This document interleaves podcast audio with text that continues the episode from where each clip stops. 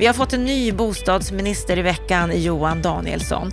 En bra kar, men kommer han hinna göra något avtryck? SBABs rapport om överproduktion av hyresrätter, den tycker vår expertkommentator är mitt i prick att det är dags att dra i handbromsen. Och även Stadsmissionens nya hemlöshetsrapport, den är värd att ta på allvar. Nu behövs det krafttag från staten och kommunerna. Men eh, förslaget om ny skatteöversyn, det är logisk intressepolitik men kommer ge små chanser till politiskt gehör. Det tror Lennart Weiss, vår expertkommentator den här veckan. Varmt välkommen till Bopolpodden och veckans Aktuellt där vi tar upp det senaste som har hänt och som har skrivits i media under veckan. Jag heter Anna Bellman. Varmt välkommen. Under veckan som har gått, ja gissas vad det har hänt mycket på den bostadspolitiska arenan. Vi har ju fått en ny bostadsminister i Johan Danielsson. Lennart Weiss, vad säger du om den här nya ministern? Jo, men det var ju en skräll, eh, men en ganska rolig skräll.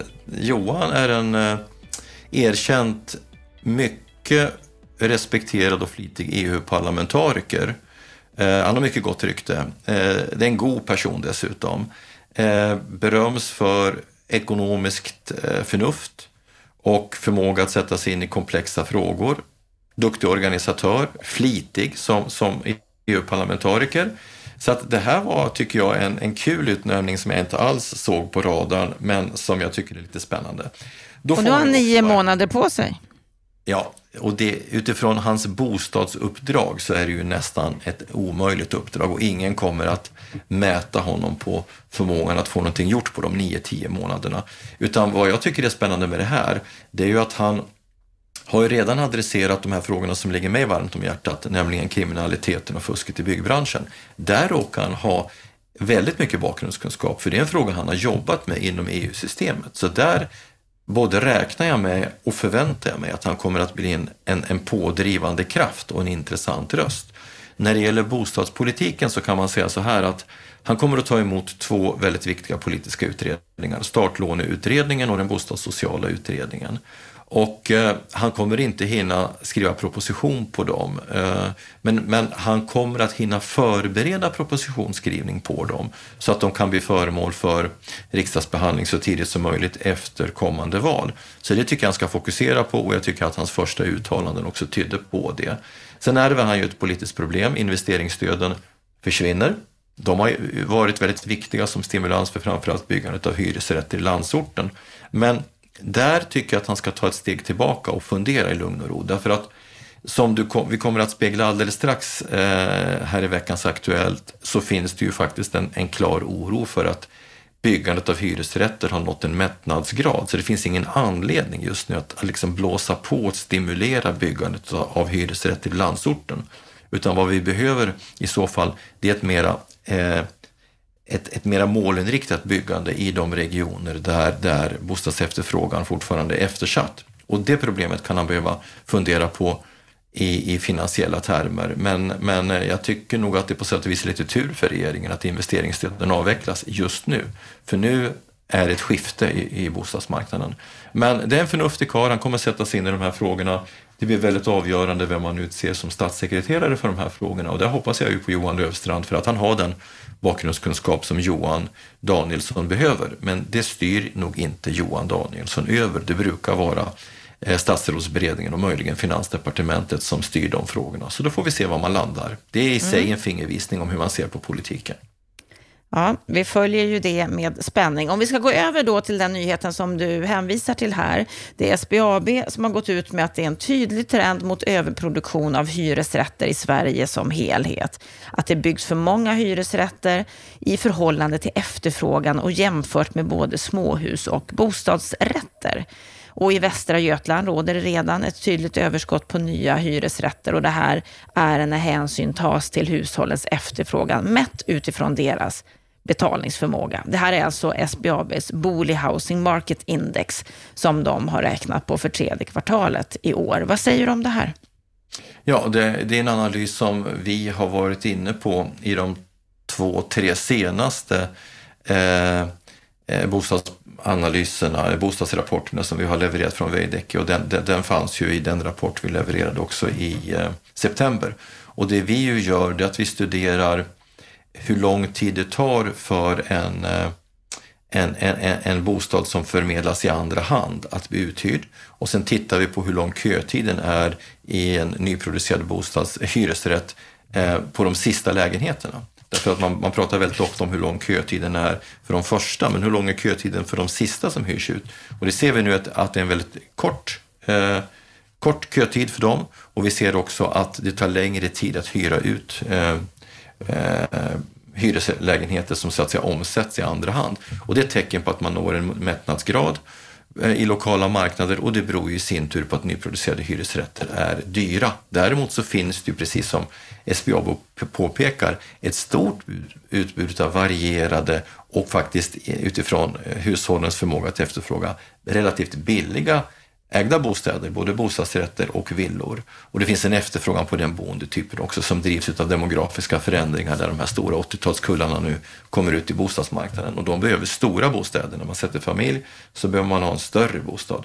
Så att SBAB träffar mitt i prick och det jag är bekymrad över det är egentligen dels att politikerna har en sån förkärlek för att krama hyresrätten och, och, det är investeringsstödet som har varit så att säga det institutionella uttrycket för det. Och det andra är att vi har ett, ett eh, institutionellt kapital, alltså pensionsfonder och andra, som är så desperata över en trygg avkastning att man till varje pris slänger in pengar i, i hyresmarknaden. Och det har varit en bra butik hittills, men det börjar möta risker.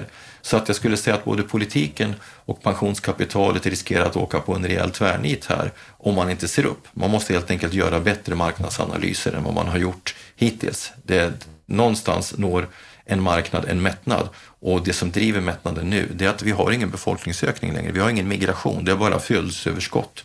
Och, och, vi kommer förmodligen att ha balans i termer av antal bostäder redan inom ett par år. Sen har vi kvar ett bostadssocialt problem, svaga grupper, men det är en helt annan fråga.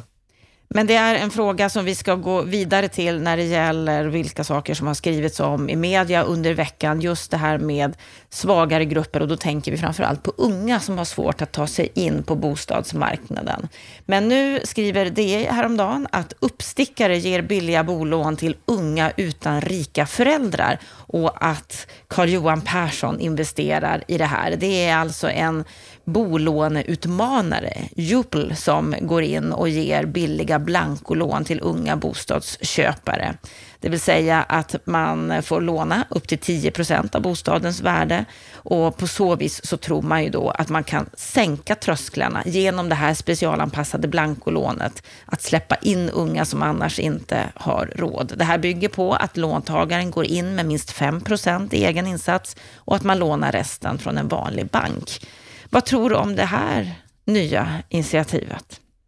Ja, det är inte så särskilt nytt. Jag hörde talas om det här för en tre, fyra år sedan och, eh, och, och eh, entreprenören bakom det här har jag pratat med några gånger och eh, man kan väl säga så här, utifrån hur marknaden fungerar idag så har han identifierat ett marknadshål och som han då ska säga, försöker möta med, med, med en, ett, ett koncept där han då har hittat externa finansiärer och det är klart att det mycket väl, kan mycket väl vara så att det kan tänkas fungera, men, men om du frågar mig vad jag tycker om det så är jag inte särskilt förtjust i det.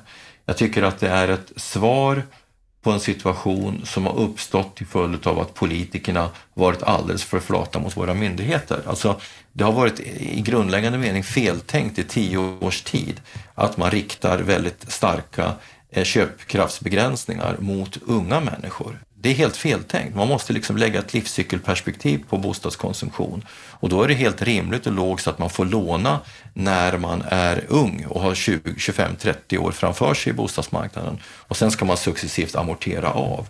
Egentligen så löser ju inte eh, Juppel det här problemet alls, utan de skapar bara en annan väg att finansiera bostäderna.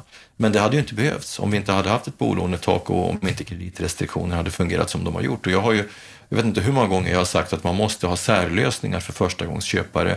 Man måste ha undantagsregler de första åren så att ungdomar kommer in. Ungdomar ska vara högt belånade när de är i familjebildande ålder. Och när de kommer upp i min mogna ålder, då kommer de i takt med att de har fått stigande inkomster och inflationen har gjort sitt, så kommer de ha låga lån. Så funkar det över en livscykel. Så här har myndigheterna tänkt helt fel. Våra politiker har varit oerhört flata inför Ingves och Thedéen och det har vi diskuterat många gånger på den här sajten. Och då kommer sådana här koncept som egentligen eh, bara är en, eh, ett svar på en dysfunktionell politik. Eh, men jag tycker inte koncepten i sig är särskilt bra. Det hade varit mycket, mycket enklare att lösa det här på ett annat sätt. Under veckan som har gått så har också Stadsmissionen släppt sin nya hemlöshetsrapport och bland annat Svenska Dagbladet har plockat upp den. Där de berättar att tiotusentals människor lever i hemlöshet i Sverige och att trots ett ökat politiskt intresse så pekar Stadsmissionerna i vårt land på ett förvärrat läge. De kräver statliga krafttag. Och det de berättar det är att över 33 000 personer i Sverige beräknas leva i hemlöshet och det här gäller ju enligt Socialstyrelsens senaste sammanställning. Men Stadsmissionerna, de är övertygade om att det i själva verket rör sig om betydligt fler och att eh, det är väldigt stort mörkertal här eftersom inte EU-migranter, papperslösa eller personer som inte har sökt hjälp ingår i de här siffrorna. Och det som kanske är mest anmärkningsvärt, det är att de senaste 15 åren så har andelen hemlösa vars situation har blivit värre. Det beror på ekonomiska skäl, inte sociala. Och det är alltså barnfamiljer, ensamstående, som blir mer och mer drabbade. Mm, vad säger du om det här, Lennart? Instämmer helt med Stadsmissionen. Jag tror att deras nulägesanalys är helt korrekt. De här 33 000 registrerade hemlösa, det är alltså individer som har anmält sig som hemlösa hos, hos socialförvaltningen. Hur många tusen tror du det inte finns som inte vill gå till socialförvaltningen och anmäla sin situation? Sen har du 35 000 sociala kontrakt. För det är säkert hundratusen människor i Sverige som lever i akut bostadssocial nöd. Och, och det är ju minst sagt upprörande att vi har ett antal fall varje vecka i de större kommunerna där barnfamiljer vräks och ställs på gatan. Hur i helvete på ren svenska kan det vara acceptabelt att våra, bostads, att, att våra kommunpolitiker vidtar sådana åtgärder. Då får man ju sätta in andra insatser. Man kan ju inte ställa barnfamiljer på bar backe. Eh, det här är en veritabel skandal och den, det, det, har varit, det här är egentligen en krypande politisk skandal som har vuxit i omfattning sedan 1950-talet. Just därför att vi i Sverige har bedrivit en generell bostadspolitik som jag i någon sorts grundackord stöttar, fast man kan ha olika verktyg för den. Så menar jag att det här är en fråga man har sopat under mattan ettan under devisen Bygg mer. Men det här visar ju, liksom, det, det, tema vi diskuterade alldeles nyss och det här problem som vi diskuterar nu visar att Bygg mer är liksom ingen lösning på det här, utan det här är ett specifikt problem som kräver specifika bostadssociala insatser. Och jag skulle säga att det är två saker som måste till. För det första så måste den svenska socialpolitiken förändras i en mening. Det kan inte vara så att människor som lever ett normalt socialt liv måste rasa igenom alla nivåer i den sociala stegen och hamna liksom nere på noll, alltså sälj, tvingas sälja allt, förlora allt innan samhällets stöd kickar in. Man måste kunna fångas upp på vägen och återföras till ett normalt liv så, så, så snabbt som möjligt. Och det andra det är att vi måste inse att det finns en grupp människor som har lider en akut social nöd och där det behövs särskilda bostadslösningar. Jag tror inte på att göra om allmännyttan till social housing. De som är ute i det ärendet de har en helt annan politisk agenda. Men det behövs fler sociala kontrakt och precis som både Socialdemokraternas expertgrupp och Liberalerna skriver i sitt program så behövs det en övergångslösning för de som hamnar i ska vi säga, relativt tillfälliga sociala problem, arbetslöshet eller en depression eller vad det är, man tappar fotfästet. För de behövs det lösningar över två till fem år där man sätter in alla de typer av stödinsatser som samhället kan mobilisera, från arbetsförmedling till psykosocialt stöd och vad det nu är, så man kommer tillbaka igen. Så att här finns det liksom grundläggande brister. Så att jag stödjer helt idén om en nationell hemlöshetsstrategi, men det behövs en helt ny politisk verktygslåda. Och här måste faktiskt staten slå näven i bordet och markera till kommunerna att ni ska lösa hemlöshetsproblemet. Det är er uppgift men de ska också skicka med pengarna. Det här går att lösa. Det är bara en fråga om politisk vilja.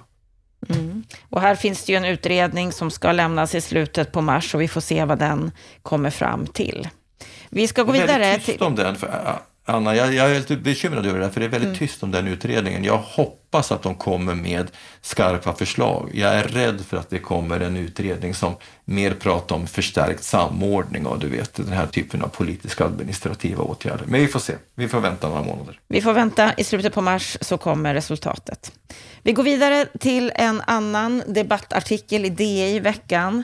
Förslag till en bättre bostadsmarknad. Det är nationalekonomerna Mats Bergman och Sten Nyberg som i en SNS-rapport har berättat att de tycker att vi ska införa marknadshyror stegvis i form av en frivillig överenskommelse mellan fastighetsägare och hyresgäster som liknar ombildning av hyresrätter till bostadsrätter. En väg till en bättre bostadsmarknad. Håller du med om det? tror jag inte alls på. Jag var ju kommentator på det här seminariet. Jag blev inkastad 24 timmar före det skulle genomföras. Jag hann knappt läsa in mig. Det vart heller ingen större diskussion om det här förslaget på seminariet och inte i det efterföljande runda bordsamtalet heller. Jag vet inte riktigt vad deras förslag går ut på, men jag tolkar det som att man menar att fastighetsägarna ska ha möjlighet att köpa ut hyresgäster som, som så att säga inte vill acceptera eh, en ny och högre hyresnivå. Och, och vilket typ av problem man löser på det sättet förstår inte jag. Men framförallt det grundläggande jag inte förstår med nationalekonomerna det är att de på något vis föreställer sig att om vi inför marknadshyror i hyresbeståndet och därmed höjer hyresnivån så kommer det att stimulera byggandet av hyresrätter. Ja men snälla någon, nyproducerade hyresrätter är ju redan idag den dyraste boendeformen av de tre upplåtelseformerna vi har. Det enda som är dyrare det är ju andrahandsboende. Eh, så varför skulle, det, varför skulle fler bostadskonsumenter vilja efterfråga den produkten? Då borde ju snarare fler söka sig över till den ägda marknaden. Så att jag förstår liksom inte den, den, den, den, den, eh, nationalekonomiska eller fastighetsekonomiska analysen i det här överhuvudtaget, utan det här är någon sorts eh, nationalekonomiskt resonemang om utbud och efterfrågan, där man liksom tror att utbudet ökar Eh, och, och, och, man liksom eh, skapar e-, e-, ekonomiska incitament som driver ut en eh, hyresgäster som då bor relativt billigt idag. Det kommer skapa social oro och det kommer ta väldigt lång tid innan det här jämviktsläget uppstår i bostadsmarknaden som man föreställer sig. Så det här tycker jag är nationalekonomteorier ganska långt ifrån den politiska och, och, och konkreta verkligheten. Ja, men kanske gillar du då den sista saken vi ska ta upp här idag. Det är ju nämligen så att fastighetsägarna, Sveriges allmännytta och Hyresgästföreningen, de välkomnar den nya finansministern Mikael Damberg och föreslår fem förändringar i skattereglerna för att skapa fler hyresrätter. Bland annat att förenkla momsreglerna, att lätta på begränsningarna för ränteavdrag, att sluta dubbelbeskatta hyresrätten, att öka avsättningsmöjligheter och att införa samma stämpelskatt för alla. En översyn av skatten. Vad säger du om det? Mm. Vi har kommenterat det här tidigare faktiskt i, i, i veckans Aktuellt. De här fem förslagen, eh, jag vet inte, jag tror att både jag och Stefan har kommenterat de här. Jag tror att flertalet av de här kommer att eh, stupa på att det får väldigt stora statsfinansiella konsekvenser. Jag menar stämpelskatten, det, den finns ju för att den är liksom en kassako för, för staten eh, Eh, att föreslå stora förändringar utav momsregler. Mm, svårt, kostar mycket pengar. Lätta på begränsningarna för ränteavdrag. Mm, kostar också. Jag kan tänka mig att förslag 3, sluta dubbelbeskatta hyresrätten, den kostar inte statsfinansiellt jättemycket och den är rimlig och logisk för att så att säga göra likheten mellan olika upplåtelseformer eh, större. Eh, öka avsättningsmöjligheter och avdragsrätt för reparationer. Ja, men som jag redan har sagt så, är det ju, så, så har du ju liksom full avdragsrätt mot, mot, eh, mot fastighetens ekonomiska resultat eh, som, som fastighetsägare. Eh, så, att liksom skapa... så du är inte så positiv till det här? Jag, jag, jag, tror så här, jag förstår att fastighetsägarna, Hyresgästföreningen och allmännyttan gör gemensam sak i det här. Det här är liksom typisk intressepolitik som jag förmodligen skulle förorda själv om jag satt på den sidan. Men en del av de här förslagen är väldigt dyra och andra är väldigt intressepolitiska. Men det finns ett par av dem som kanske har politisk, eh, politisk möjlighet och som, som, som, som har relevans också. Men det är lite utav eh, julklappsutdelning till, till eh, hyresmarknadssektorns intressegrupper. I veckan, i, igår torsdag, så hade Sveriges allmännytta en konferens där jag hade förmånen att moderera en debatt med alla bostadspolitiska talespersoner från alla riksdagspartier. Och de tog själva upp där och jag upplevde att det fanns en, en overklig eh, överenskommelse mellan dem att, att vi behöver ha en skatteöversyn, en större skatteöversyn. Ja, och det gör Utopi. mig väldigt orolig. Nej, men det gör mig väldigt orolig därför att det enda vi vet om stora skatteöversyner det är att eh, allting som politikerna önskar i ena vågskålen ska betalas utav eh, olika typer av skärpta beskattningar inom bostads och fastighetssektorn. Eh, och där talar liksom historien sitt tydliga språk. Det var precis det som hände på 1990-talet och som gjordes på ett sånt taffligt sätt och med en sån brist på konsekvensanalys att det utlöste kanske 1900-talets djupaste fastighetskris i Sverige och, och följt av en, av en statsfinansiell kris för det finansiella systemet kommit totalt i gungning.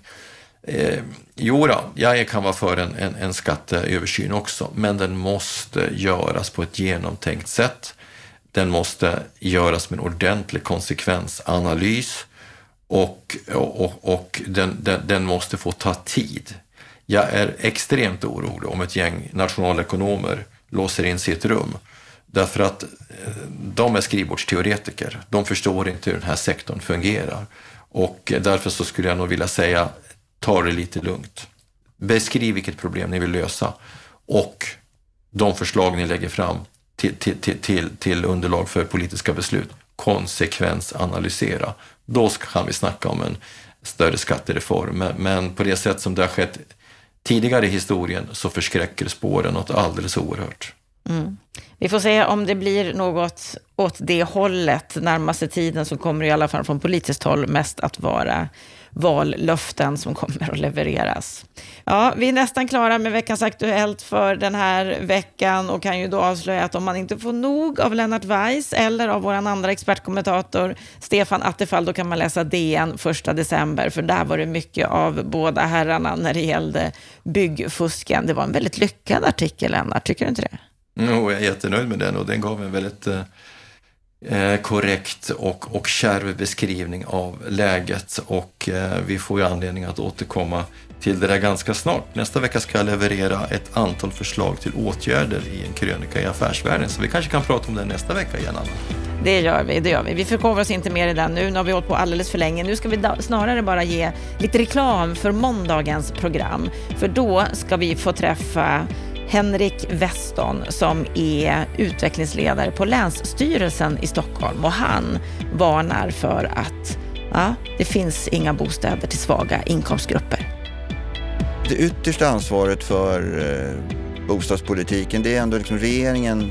Det är där liksom spelreglerna formas för hur kommunerna, för hur alla ska kunna jobba med att få fram bostäder till alla inkomstgrupper. För det kan man ju lätt tro när man lyssnar på Länsstyrelsen att vi pratar bara om svaga inkomstgrupper, men vi menar att det måste finnas bostäder åt alla inkomstgrupper. Det behövs exklusiva bostäder, det behövs villor, det behövs alla typer av bostäder. Men det behövs också bostäder för svagare grupper och det ser vi ingenting av. Lösningar eller man eh, försöker trolla med knäna men det, det funkar inte alltså. Det var Henrik Weston. Honom möter ni på måndag i vårt program då. Med detta så önskar vi från Bopolpodden en riktigt trevlig helg.